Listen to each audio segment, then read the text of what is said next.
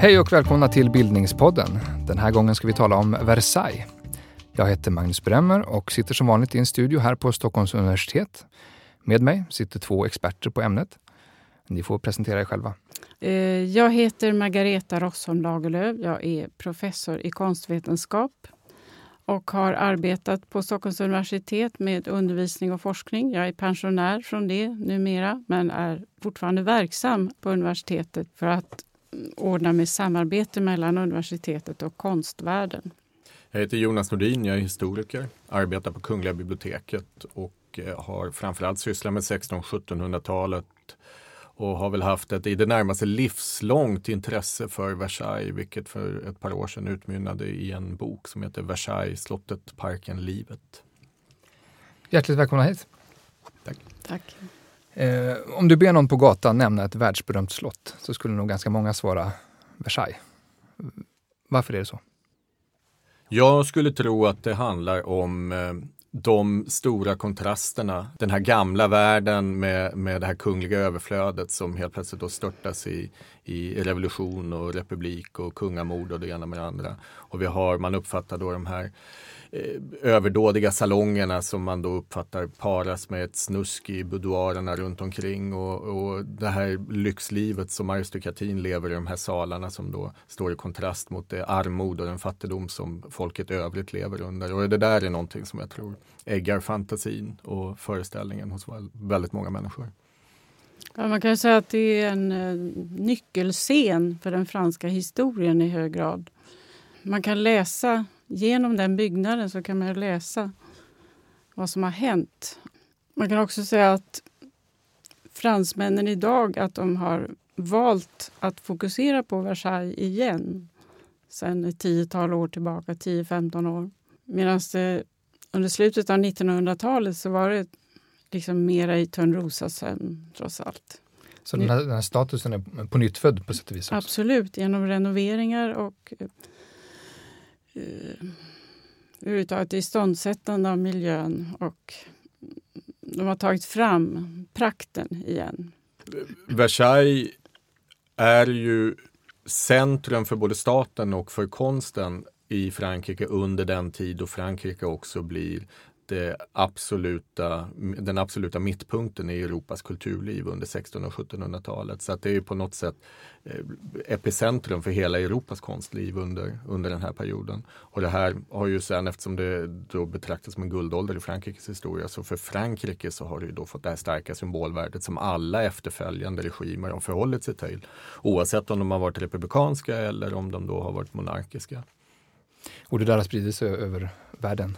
Det där har definitivt spridit sig över världen för att Versailles och den här barocken som den företräder, den här guldbarocken som man ibland lite förenklat säger, eh, är ju på många sätt eh, den kanske tydligaste, eh, eller ja, den mest tydliga symbolen för rikedom och överflöd. Och det här ser man både i Kina och i USA och Saudiarabien idag och på många andra håll i världen. För de lyssnare som aldrig varit där, kan, man, kan ni beskriva platsen lite grann? Guld och prakt. Stora dimensioner, enorma dimensioner skulle jag säga. Det, det, det, som jag tror att alla slås av vid, vid första besöket vid Versailles, det, det, är just de här enorma dimensionerna. Eh, att det, det, är stor, det är större än någonting man har föreställt sig. Eh, jag brukar ju, när jag ska tala om Versailles i olika sammanhang så brukar jag inte jämföra det med andra slott utan jag brukar jämföra det med, med städer. Man kan se det som en kungastad. Alltså vid Ludvig XIVs död eh, 1715, det är han som uppför Versailles. Och när han dör 1715 så räknar man med att bara i, i slottet så bor det mellan 5 och 6 000 människor. Och då är Göteborg, som är Sveriges andra stad vid den tiden, har ett invånarantal på 7 000 människor. Och det här är alltså bara själva slottet. Sen tillkommer ju då annexbyggnader och alltihopa det här. Och, Hur många rum?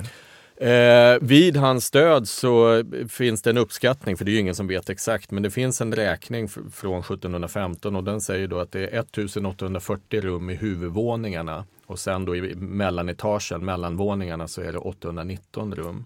Så att det är då närmare 3000 rum och det här säger man då täcker en yta på 46 000 kvadratmeter. Mm. Och det blir ganska många eh, tvårumslägenheter om man slår ihop det hela.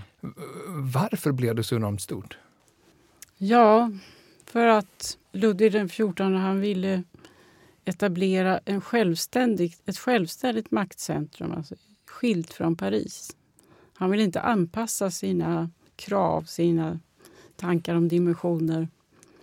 Han ville säkert också kunna kontrollera adelsmännen och de som han använde sig av i sin maktutövning. Alltså att de skulle vara samlade på en plats? Ja, de skulle vara samlade på en plats. Och för att räknas överhuvudtaget och tillhöra eliten så måste man vistas i Versailles. Och i ganska trånga och jobbiga rum. Om man jämför med hur de kunde bo egentligen på sina gods. Så är det egendomligt att så många tränger ihop sig där bara för att få del av ryktespridning, maktkonstellationer, mm, nya kotterier, vad den ena och den andra säger och bli uppmärksammad av de kungliga också. Det, det, finns en finess med hur Versailles fungerar. Det brukar ibland sägas att Ludvig XIV flyttade flyttar hovet till Versailles. Men det där är inte riktigt sant därför att före Versailles så har hovet inte riktigt haft en fast vistelseort utan det har ambulerat mellan de olika kungliga slotten och kungen manifesterar sin makt också genom att åka runt i de olika provinsstäderna och visa upp sig. Helt plötsligt så blir han bofast på en och samma ställe. Och det här, det här sker inte genom officiellt beslut eller någonting sånt utan han flyttade dit hösten 1682 och sen flyttar han aldrig därifrån. Och all, hovet och all övrig uppvaktning och statsapparaten och de som behöver vara i kontakt med kungen, de måste ju då följa efter. Och då måste han också bygga lokaler åt de här så att de, de kan bo där och de får våningar, alltså ämbetsvåningar och tjänst, tjänstebostäder då åt eh, de som befinner sig i kungens närhet. Och Finessen med Versailles är att det är under Ludvig XIVs tid kungens privategendom.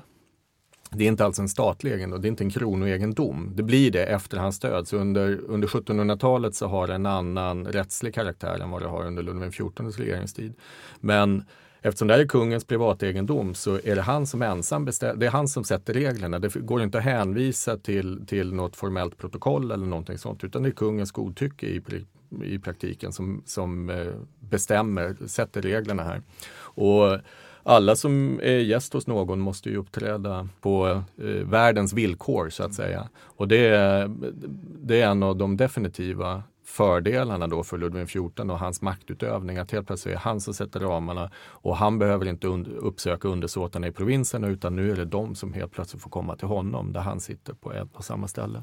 Men om vi tar det där från början, vad, vad, vad börjar den kungliga kopplingen till Versailles? Från början är det här ett litet jaktslott som hans far Ludvig XIII låter uppföra på 1620-talet. Och det är en helt liten och obetydlig byggnad. Och egentligen så att där, efter Ludvig XIIIs död så borde det här övergått till kronoegendom. Men det här är en sån obetydlig byggnad just att, att man glömmer bort det där i arvsdelningen. Och varför var det just där? Han, han förlor, det finns goda jaktmarker där omkring och alla de här Bourbongerna, de här tre, eller de här då Bourbonkungarna från Henrik den fjärde och fram till Ludvig XVI, alla, alla har ett passionerat alltså intresse. En, en specifik släkt? Det, det är den kungaätten som regerade under 1600 och 1700-talet fram till franska revolutionen. Och de är allihopa passionerade jägare och runt Versailles här så finns det då fantastiska eh, möjligheter till jakt. Och det är just det är de här jaktmarkerna som i första hand lockar och det som också gör att Ludvig XIV bestämmer sig för att använda den här platsen för att bygga ut det är också att han kan köpa in marken runt omkring och det finns, det finns inga befintliga strukturer som begränsar hans planer utan här kan han börja med ett tomt bord och liksom bara mm. expandera. Mm. Men det så han tänker stort redan från början? Nej, det gör han inte, utan de här, det här växer fram successivt. Han har ingen, och det, det är väl ganska symptomatiskt, han fortsätter ju, Versailles är som en, det är som en lerklump som han håller på att knåda under hela sin regering och det byggs på och byggs om under hela, under hela fram till 1715. Det finns ju en samtida berättelse där de säger att ja, du besökte Versailles för två år sedan men idag ser det helt annorlunda ut. Du kan inte besöka samma Versailles två gånger. Mm. Eh, och det där återkommer. Man tittar på gamla bilder från 1600-talet så kan det ofta vara svårt att orientera sig för att en bild från 1668 ger ett annat intryck än en bild av samma plats 1675. För då har man byggt om och flyttat byggnader och rivit och lagt till. Och så. När kom han på tanken att bygga ut det här jaktslottet? Eh, på hösten 1661 inleds det första arbetet. Man brukar säga att han har fyra stora byggnadsomgångar. Den första är då från 1661 till 1668. Eh, och då har den, det är ett ganska ordinärt jaktslott. Men sen efter det så kommer det då ytterligare byggnadsomgång. Ludvig XIV, han, vid sidan av att bygga så vill han kriga. Och det är i princip det han gör. När han inte bygger, när han inte krigar då bygger han, när han inte bygger då krigar han. Och det där, de här byggnadsetapperna i Versailles, de går liksom omlott med krigen under hela hans regering. Det finns någon historia om att han blev inspirerad från ett annat slott?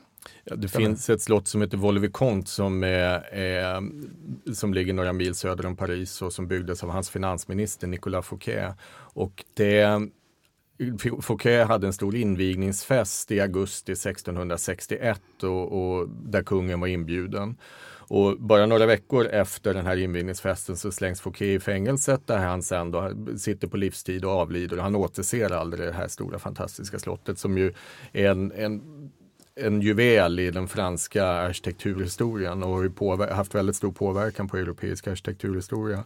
Sen tar Ludvig XIV använder ju samma konstnärer då, André Lenotre som är eh, trädgårdsarkitekten, eh, Louis Levaux som är arkitekten till själva slottet och eh, Lebrun som är då inredningsarkitekten, målaren som utför mycket av inredningarna.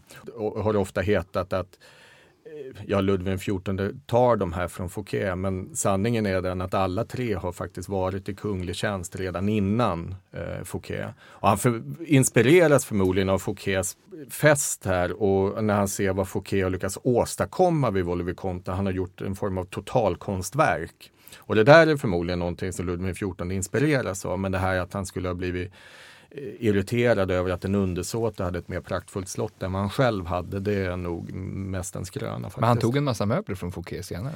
Han tog en del äh, apelsinträd och annat som han förde över för det här slottet blev ju tomt. Eller han drog in det till kronan och sen skänkte bort det till andra. Men då kunde han ju då disponera över de här eh, ja, husgerådet och annat på, efter eget huvud. Vad, vad bestod parken av? Eh, ja, det, den är nästan ofattbart stor och ska man besöka här så måste man ju ägna flera dagar åt det. Och särskilt eh, i ögonfallande med Versaillesparken är den här stora kanalen som, som förlänger perspektivet. Den är alltså, det är en korsformad kanal som är en och en halv kilometer lång i längdriktningen och så en tvärarm som är ungefär 800 meter och där man idag kan ro runt med roddbåtar och annat men där det då fanns en liten flotta av gondoler och andra fartyg som man kunde ro omkring på. Sen, och då kunde man när man var ute och rodde på den där kanalen så kunde man ta sig till menageriet där kungen hade en djurpark med en mängd exotiska djur.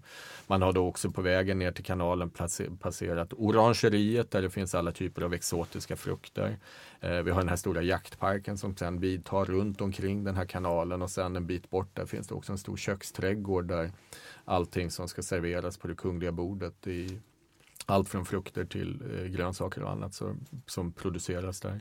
Så att parken är eh, den inte minst viktiga delen av Versailles och det, det är just också för att kunna utveckla sin vurm för trädgårdskonsten som han eh, låter bygga ut Versailles snarare än Louvren till exempel som var ju den här Jean-Baptiste Colberts prefererade eh, slott.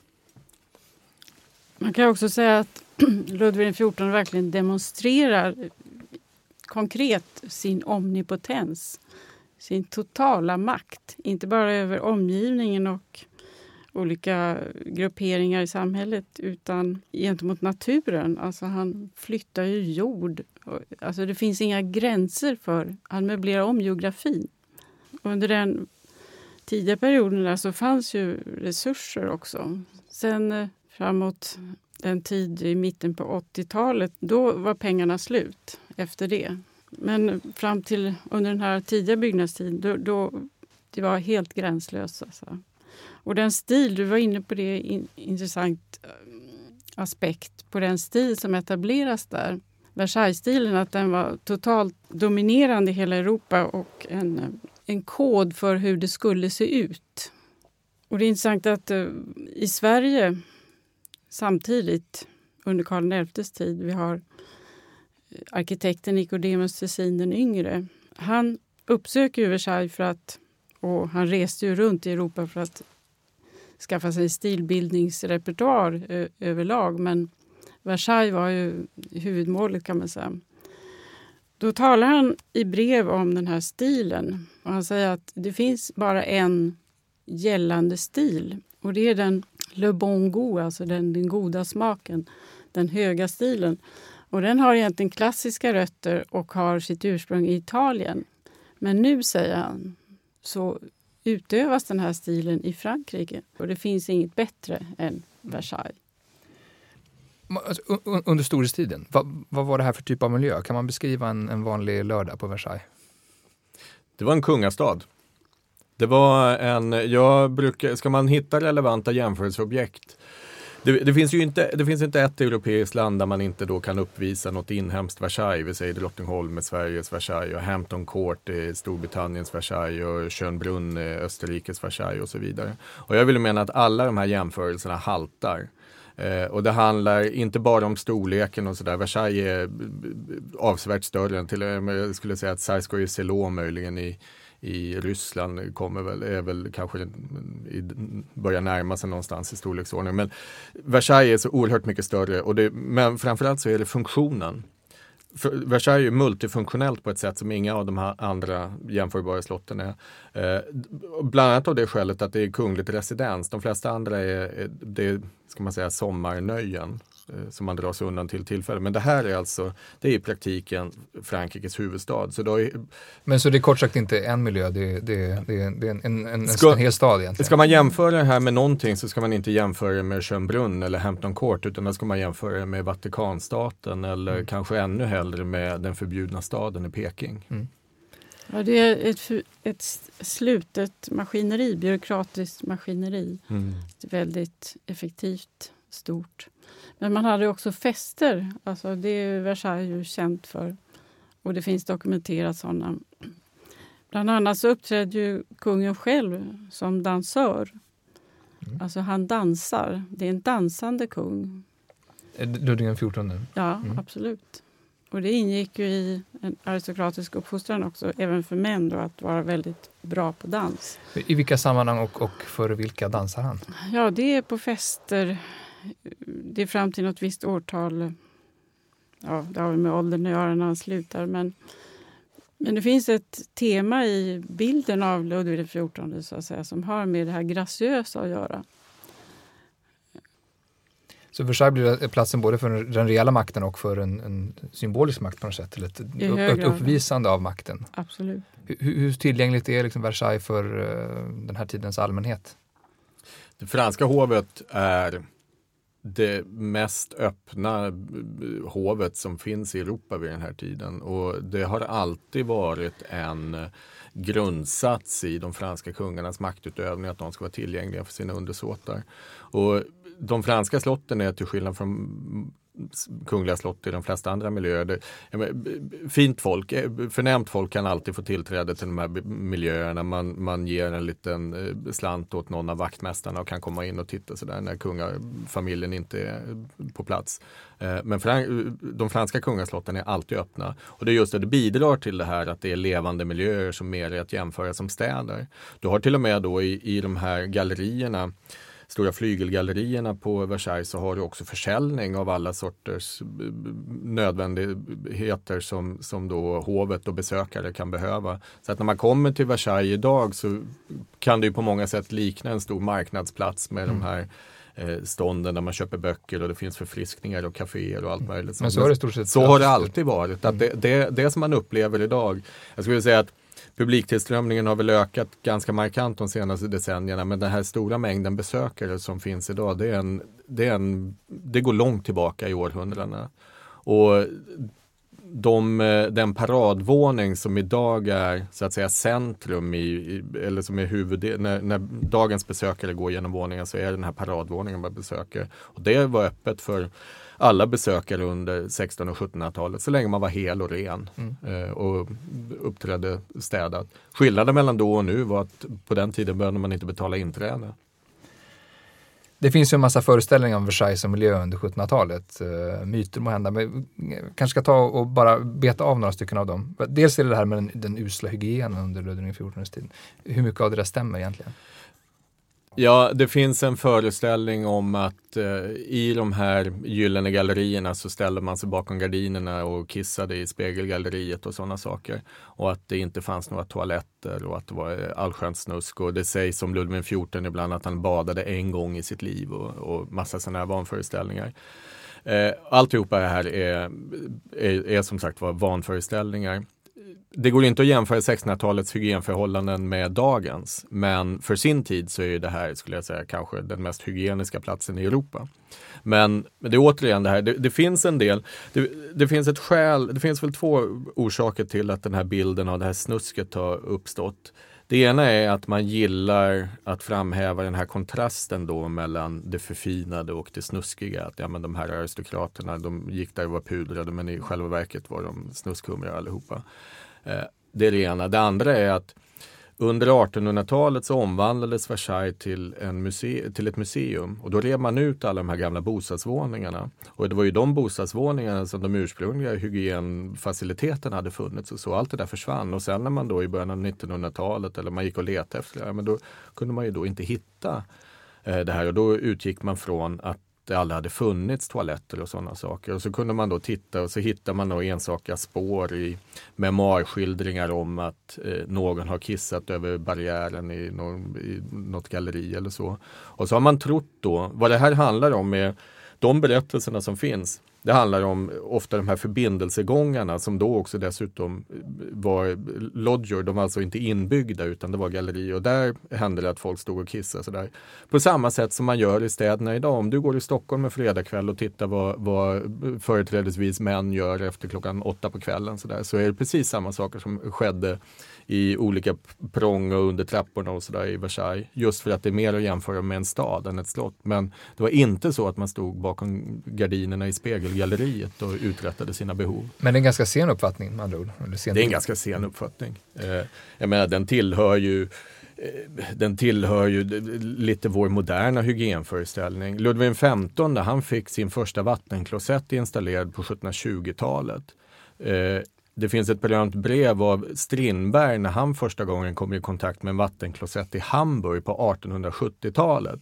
Eh, så att det är den där, de ligger ju då egentligen 150, franska kungarna ligger 150 år före vanliga medborgare i resten av Europa i det avseendet. En annan sån här föreställning är att det här luxuösa överordet också avspeglar sig i en massa festligheter som nästan tangerar någon slags låtsasvärld avskuren från verkligheten eh, under 1700-talet. Eh, hur, hur, mycket, hur pass mycket stämmer det där? Så är det ju naturligtvis i en eller annan mening.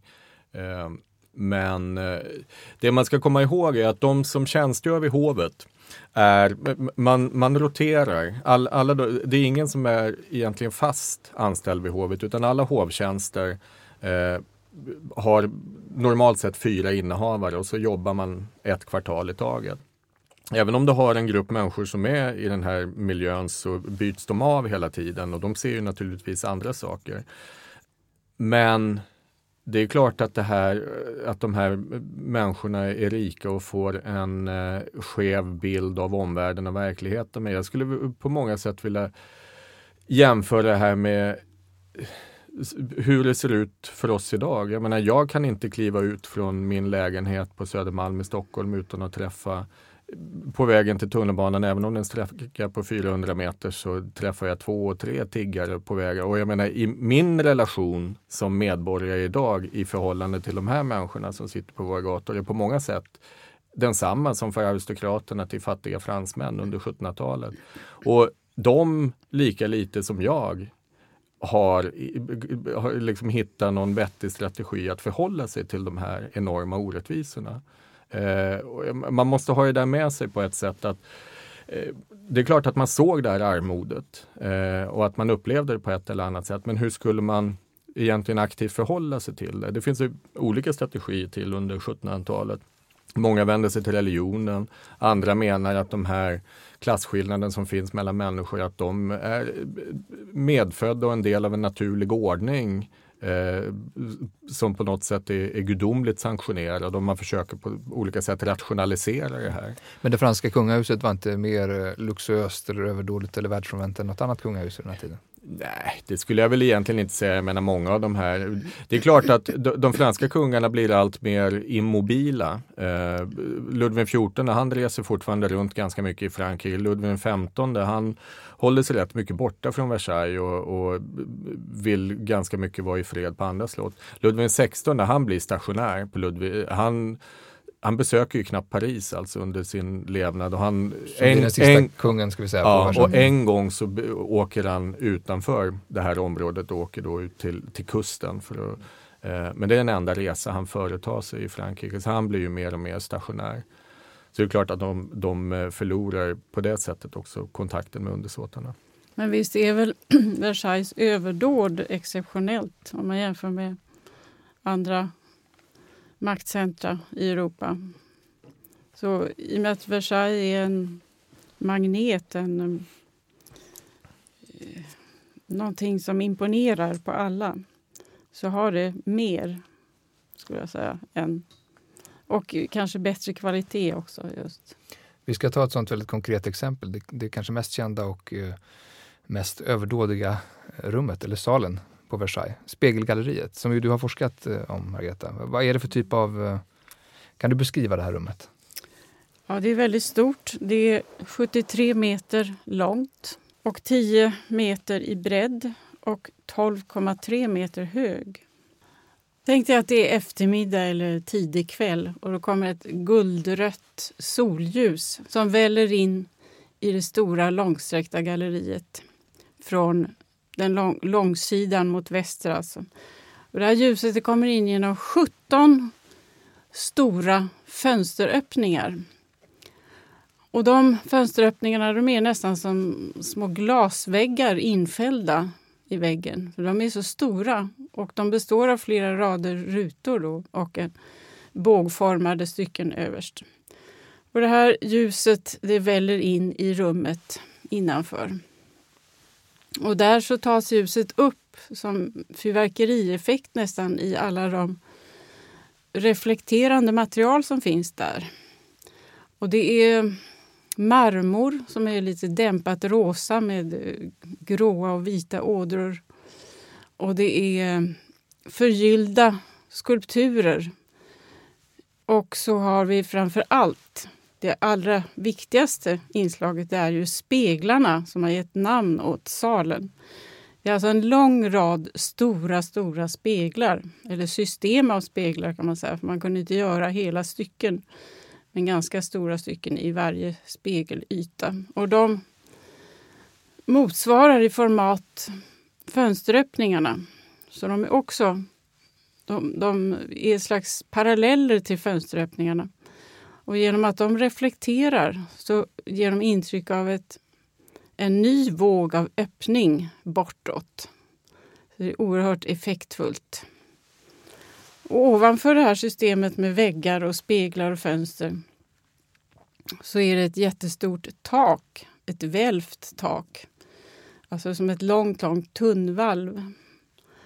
Och där finns det målningar hela taket är fyllt av målningar och en del eh, listverk av stuck. Och det skiljs åt från vägg, den nedre delen av rummet där väggarna alltså dominerar. Det skiljs åt genom en stark markering av skulpturer i eh, förgyllt, förgyllda skulpturer som markerar en skillnad mellan taket och rummet nedanför.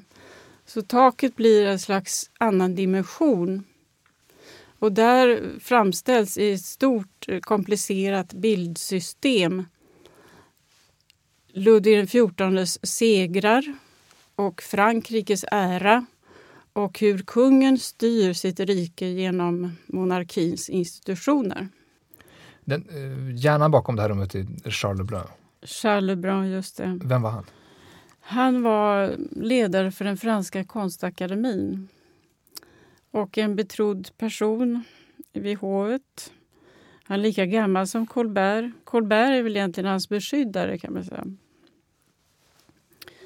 Ehm, de var födda 1619 båda två, så de är en bra bit äldre än kungen. Men han litar på de här två. Och Charles Lebrun han får detta enorma uppdrag. Och han försökte med några projekt först som var mer i den klassiska stilen med antika ämnen. Det skulle vara Apollon, det skulle vara Herkules. Men kungen förkastade dem där. För, för den stora takmålningen? Ja, stora, mm. stora takmålningen. Och så kommer kungen då med kravet att det ska vara hans egna heroiska krigshandlingar som är huvudsaken. Det var till exempel belägringen av Maastricht. Detta är kriget som Ludvig genomförde mot holländarna. Det var två krigsperioder som skildras i utsmyckningen i taket. Som är modern, då, alltså, vilket är väldigt ovanligt i en sån typ av utsmyckning där de här bildscenerna, det brukar vara då ideal, en idealvärld. Antingen är det idéerna eller antikens myter eller religionens tecken som finns där. Men nu är det alltså Ludvigs krigshandlingar i hans två första krig. Och Ludvig själv avbildad? Ludvig själv i hög grad avbildad. Det finns ju en pedagogisk tanke med hela galleriet också. Det är just att det berättar ju kungens egen regeringshistoria. Mm. Sen finns det de här stora sköldarna då, där, där eh, det förklaras med inskriptioner vad det är de här motiven mm. föreställer. Och det normala är, hade ju varit fram till dess att de var på latin och de riktade sig till lärda människor. Men Ludvig XIV befallde ju också att här skulle det stå på franska så att alla besökare enkelt skulle kunna ta till sig det här och förstå vad det Exakt. faktiskt handlade om. Man, man eh, tillverkar också små guideböcker som folk kunde gå omkring och peka ut. Men i alla fall så skulle det vara tydliga figurer. Och då, han satt ju i sin ateljé och gjorde alla de bilder som kungen är med på, de gjorde han på, på duk i sin ateljé eller sin verkstad. Och sen så klistrades de i taket. Alltså han verkligen brytt sig om detaljerna. Och det tror man inte ska behövas när man ska se det från så långt håll nerifrån. Men det är just där i hans mästerskap ligger som scenograf. Det finns en ganska väldigt effektfull intuitiv scenografisk eh, effekt i den här kompositionen av den här rummen. För när du kommer då till spegelgalleriet, den vanliga vägen är att du går då genom den kungliga paradvåningen. Och den löper då i, i öst-västlig riktning på nordsidan av slottet. Parallellt med spegelgalleriet? Nej, och det, de går i vinkel och det är det som är det intressanta. För då går den då i öst-västlig riktning i norrläge. Och det här är stora rum, de är ungefär mellan 100 och 120 kvadratmeter meter eh, ytan. Så. så att du går genom den här som du uppfattar då ganska rejält stora salarna. Men i det här lite halvdunklet då som det är där på nordsidan. Och så, så kommer du då till eh, det här hörnkabinettet och så svänger det då vinkelrätt för att spegelgalleriet löper i, i nordsydlig riktning med fönster mot väster. Så att vid solnedgången då så badar ju hela rummet i ljus. Och när du kommer då från den här våningen i norr, ganska stora rum och så vänder du då helt plötsligt till spegelgalleriet där dimensionerna vidgas och blir de dubbla både på bredden och på höjden. Eh, och så har du då den här enorma längden då när du långt över 70 meter som det här är. Så att det blir, du tycker att du har gått genom imposanta salar men så när du kommer till det här så det är som att du tar ett djupt andetag bara när du vänder om och, och, och helt plötsligt får du syre i lungorna när du kommer in här. Använder Ludvig XIV det här rummet i del av sin maktutövning som en härskarteknik för just, besökande? Alltså? Just den här, den här stegrade effekten som man upplever, den använde han ganska tydligt när han tog emot ambassadörer. Mm. För då gick de alltid upp då, det som på, på då, 16... tog, då tog han emot i spegelgalleriet? Precis, då, då kom de med det som på 1600-talet var slottets huvudingång men som mest bara användes då vid, vid ceremoniella tillfällen. kom de genom det som hette ambassadörernas trappa. Den försvann sen under 1700-talet. Och så gick de upp då genom den här paradvåningen och kom in i spegelgalleriet. Och eh, där var då den kungliga tronen placerad i fonden så att eh, ambassadören, alltså. precis, mm. ambassadören var tvungen att bana sig väg då genom den här mängden av människor som stod i galleriet. Och det här var ju just den här stegringen av effekten och att det var någon form av mystik, liksom, hur det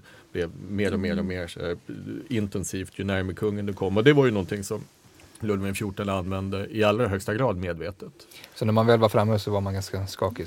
Det Då- finns, Då, var man, då, då, då visste man vem det var som bestämde i alla Mm. fall. Och så sitter ju den här kungliga tronen uppe på ett podium Mm. som du dessutom då måste, som några trappsteg upp sådär ett av de mest berömda tillfällena för när kungen tog emot sändebud från andra länder. Det var den stora ambassaden från Siam 1686. Siam det är alltså nuvarande Thailand. Kungen befann sig då på en silvertron längst bort i galleriet. Dessutom hade han en dräkt som var helt besatt med diamanter. Så de här ädelstenarna de gav ifrån sig ett radierande ljus som var helt oerhört. Så där framstår han ju som en övernaturlig eh, maktfigur nästan och gjorde ett enormt intryck. Så det här rummet är, är det enskilda rum eh, eller sal i Versailles som, som allra mest eh, fu- fungerar symboliskt för, för kungens makt? Så att säga. Ja, Det, spegelgalleriet och eh, paradsängkammaren Mm. där de väl mest kända kungliga ceremonierna äger rum, nämligen då det här ceremoniella morgontoaletten och det ceremoniella sänggåendet. Och det här är en daglig ritual som, som kungen alltid eh, genomgår inför hovet. Eh, så att då är den här paradsängkammaren som ligger precis innanför i mitten av spegelgalleriet. Så ligger den nuvarande paradsängkammaren. Eh, och där har han de här publika ceremonierna varje dag där, där hovet är, har tillträde. När, när exakt slutar den kungliga historien på Versailles? Den eh, 10 oktober 1789. Vad händer? Det är ju inledningen av franska revolutionen. Franska revolutionen har ju eskalerat här under, under hösten 1789 och eh, fram emot oktober så bestämmer sig eh, en fattiga människor inifrån Paris att ge sig, marschera ut till Versailles och eh, hämta in kungen och kungafamiljen till Paris för de menar att de behöver vara närmre sina svältande undersåtar. Som då är Ludvig den 16 Det och är Ludvig den Antoinette. 16 och Marie Antoinette. Och eh, det här har, brukar kallas för kvinnotåget eh, därför att man menar att det, det många samtida bilder så är det företrädesvis kvinnor som syns här och vi har ingen exakt sociologisk sammanställning av vilka som deltog i det här tåget. Kvinnor var ett betydande inslag men det är tveksamt om de ens var i majoritet. Däremot var de för sin tid ovanligt många och det här Eh, i en, det som i grunden då var en form av politisk församling eller en politisk proteströrelse. Och det var ju ganska ovanligt att det hade det starka kvinnoinslaget så därför har det också då fått namnet Kvinnotåget. Även om eh, med de här, de allra flesta var förmodligen nationalgardister, alltså soldater från den nyuppsatta revolutionära armén. Så. Och samma dag tas Ja, de, de, de marscherar ut där ena kvällen och sen så övernattar de på, på platserna och torgen runt omkring slottet och sen nästa dag på morgonen så lyckas de ta sig igenom då de här avspärrningarna. Slottet förseglas ju på nätterna, det är ju galler och, och staket runt och så. Men på morgonen så tar de sig igenom de här förseglingarna och stormar in genom salarna och tar sig upp i de kungliga våningarna och på jakt efter kungafamiljen och de får dra sig undan och försegla sig och barrikadera sig i några rum där men till slut så måste de gå ut på den här balkongen, Lafayette som är, är befälhavare för nationalgardet, han säger att till kungen att du måste gå ut och visa dig för att annars kommer det här, kan jag inte garantera er säkerhet. Kungen, folket vill se sin konung. Så först kungen och sen drottningen, de får gå ut i omgångar och visa upp sig för folket och, och lyckas vända den här då eh, vid, ett- vid det tillfället ganska aggressiva mobben så lyckas man stilla den en aning men, men bara då under löfte att de ska följa med dem tillbaka in i Paris. Så de packar ju snabbt ihop sina saker samma eftermiddag och åker in till Paris och sen kommer vare sig Ludvig XVI eller Marie Antoinette någonsin att återvända till Versailles utan det, de eh, lever då ytterligare några år då och, innan de avrättas. Men eh, då bor de inne i Paris och kommer aldrig tillbaka. Men Versailles står kvar. Det förstördes inte. Ja, de här revolutionärerna var aldrig egentligen ute efter att riva, Vers- det, det förefaller aldrig ha varit på agendan att man skulle riva slottet. Eh, därför att Inte heller att förstöra. Nej, det, det ingav sådan respekt för även för de här revolutionärerna att det var, var ett stort nationellt monument. Man ville ju omtolka innehållet på många sätt och säga att kungarna hade förvisso bott där men det var ju det hårt arbetande franska folket som hade huggit stenen och, och murat murarna och, och, uppfört det här slottet och till deras ära måste vi låta det här stå kvar. Däremot så hade man ju då en, en kort bildstormande epok där man knackade bort alla kungliga symboler och alla religiösa symboler. Och så där. där kan man se rester av till exempel i Slottskapellet idag. Man kan se hur de här sandstens eh, eller kalkstens eh, utsmyckningarna där, hur man knackar bort eh, de franska liljorna och så där som var en symbol för kungamakten. Vad hände med slottet sen? Sen så användes det för allt möjligt under revolutionsåren. Det blev sjukhus och det blev konstskola och det blev eh, spannmålslager och orangeriet användes som fängelse och lite allt möjligt. Det här var ju så stort så man kunde använda allt, det till allt möjligt. Sen började man sälja av inredningen så att nu mera hittar man, väldigt få av inventarierna finns ju kvar i Frankrike utan de såld, spreds ju då för alla vindar och det finns ju nu i museisamlingar över hela Europa och brittiska kungahuset köpte in betydande delar av det här eller det hamnade där så småningom. Eh, och så hade man då ett tomt slott som man i, på 1790-talet tänkte man skulle omvandla till konstmuseum. Och det blev väl lite si och så med det där, man förde dit en del samlingar och så. Men eh, sen kom ju då kejsartiden med Napoleon och Napoleon hade lite planer på att man skulle att han skulle flytta in dit, men då var ju hela slottet tomt på inventarier och så ansågs det lite omodernt så han ville först rusta upp det hela men alla hans krig kom i vägen så att det blev aldrig någonting av det hela. Och sen eh, eh, avsätts Napoleon, det blir kunglig restauration så den gamla kungafamiljen, bourbonerna, kommer tillbaka då tillfälligt på tronen. Eh, men de vågar inte flytta in dit för de menar att det här skulle varit alltför provocerande mot undersåtarna som upplevt då revolutionen och allt möjligt. Eh, så sen från 1830-talet och framåt då kommer det ytterligare en ny kung, Louis Philippe, och han omvandlar det här till ett Eh, museum över Frankrikes historia. Och då river man ut många, inte de kungliga våningarna, men man river ut alla eh, bostadsvåningarna i de stora flyglarna och så omvandlar man det till stora museisalar och så hänger man upp historiemålningar där. Mm. Och så blir det här ett nationellt monument till hela det franska folkets ära. Och tanken med det här är ju lite att gjuta olja på vågorna efter de här väldigt oroliga åren i slutet av 1700 och början av 1800-talet. Så helt plötsligt blir det här en symbol som alla fransmän ska kunna enas kring oavsett om de är royalister eller om de är anhängare till kejsaren eller om de är republikaner så ska alla ändå känna att de är fransmän och kan få sin historia berättad där. Hur levande är Versailles som miljö idag? Väldigt levande. Alltså efter renoveringen i början på 2000-talet så har man ju satsat väldigt starkt på Versailles som turistmål. Så det är ju ständigt stora skaror.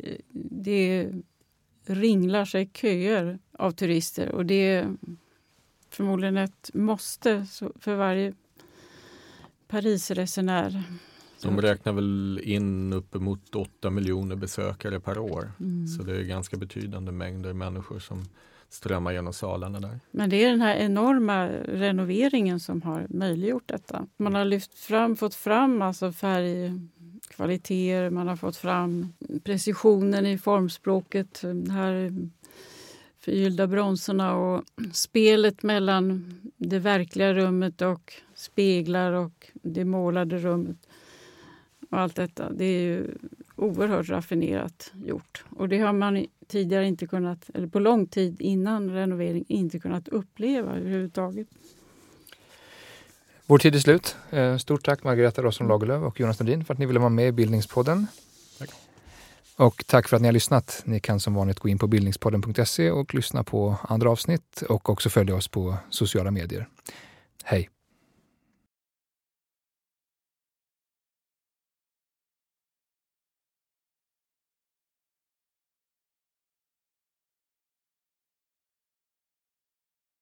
Du har lyssnat på Bildningspodden, en podcast från humanistiska fakulteten vid Stockholms universitet. Producerad av Magnus Bremmer och Claes Ekman. Podden spelas in på Språkstudion och tekniker är Henrik Nordgren.